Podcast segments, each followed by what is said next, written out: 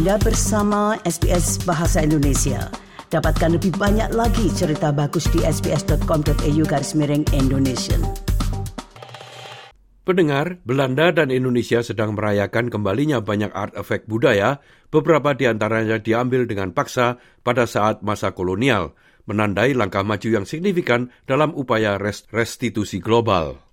Mulai dari permata berharga hingga ukiran candi yang kuno, harta karun tersebut secara seremonial diserahkan kembali ke Indonesia di Museum Volkenkunde di Leiden di Belanda. Berikut ini laporan tentang hal itu yang disusun oleh Esam Al-Ghalib untuk SBS News. Barang-barang kuno tersebut mulai dari perhiasan berharga hingga ukuran candi abad ke-13 secara resmi diserahkan kembali ke Indonesia dalam sebuah upacara di Museum Volkenkunde di Leiden. Hilmar Farid adalah Direktur Jenderal Cakar Buana di Kementerian Kebudayaan Indonesia. Um, we are really delighted. No, um, this is a very historical moment for both of us. I think Indonesia and Netherlands and the relationship between the two. But I think what we have achieved so far is also a very um, significant contribution to the global debate yeah, about returning of colonial objects. Saat ini masih terjadi perdebatan global yang berpusat pada ketegangan yang sedang berlangsung antara Yunani dan British Museum atas retensi Museum Artefak Marmer kuno yang dipindahkan pada awal abad ke-19 dari Akropolis oleh Lord Elgin. Farid menjelaskan nilai budaya dan simbolik dari barang-barang Indonesia itu. Yeah, we consider these objects as um, missing items in our historical narrative. Um, and of course, uh, they play uh, different roles symbolically, culturally. Um, for example, um, these statues that are standing behind me, they have um, a particular role in rituals. So bringing them back, uh, meaning that we would reintegrate them into their cultural contexts. Um, and that is, of course, of symbolic importance to us. Menteri Kebudayaan dan Media Negara Belanda, Kunai Uslu, berbicara tentang pentingnya restitusi ini.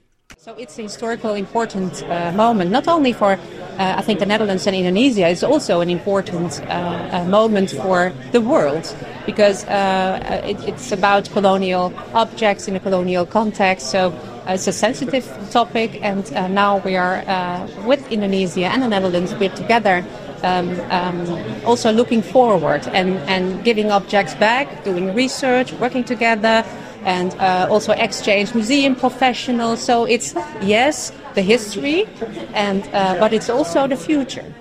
Pemerintah Belanda mengumumkan pengembalian harta Indonesia itu dan juga artefak yang dijarah dari Sri Lanka. Ini adalah yang terbaru dari upaya restitusi global yang sedang berkembang oleh negara-negara maju. Sebuah museum di Berlin mengumumkan pada bulan Januari bahwa mereka siap mengembalikan ratusan tengkorak manusia dari bekas jajahan mereka di Afrika Timur. Pada tahun 2021, Prancis mengatakan akan mengembalikan patung, singgasana kerajaan, dan altar suci yang diambil dari negara Benin di Afrika Barat. Dan tahun lalu, Belgia mengembalikan gigi berlapis emas milik pahlawan kemerdekaan Kongo yang terbunuh, Patrice Lumumba. Lilian Goncalves Hokang Yu adalah seorang aktivis hak asasi manusia dari Suriname yang tinggal dan bekerja di Belanda.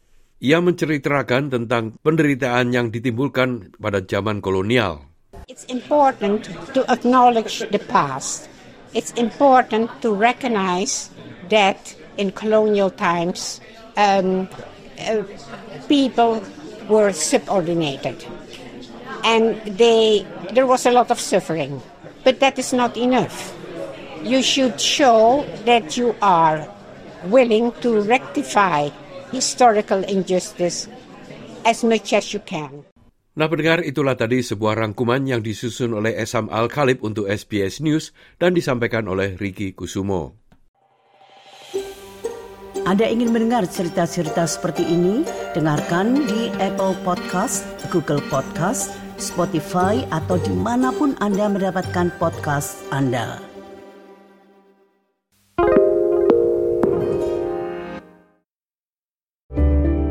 Need a few minutes to reset?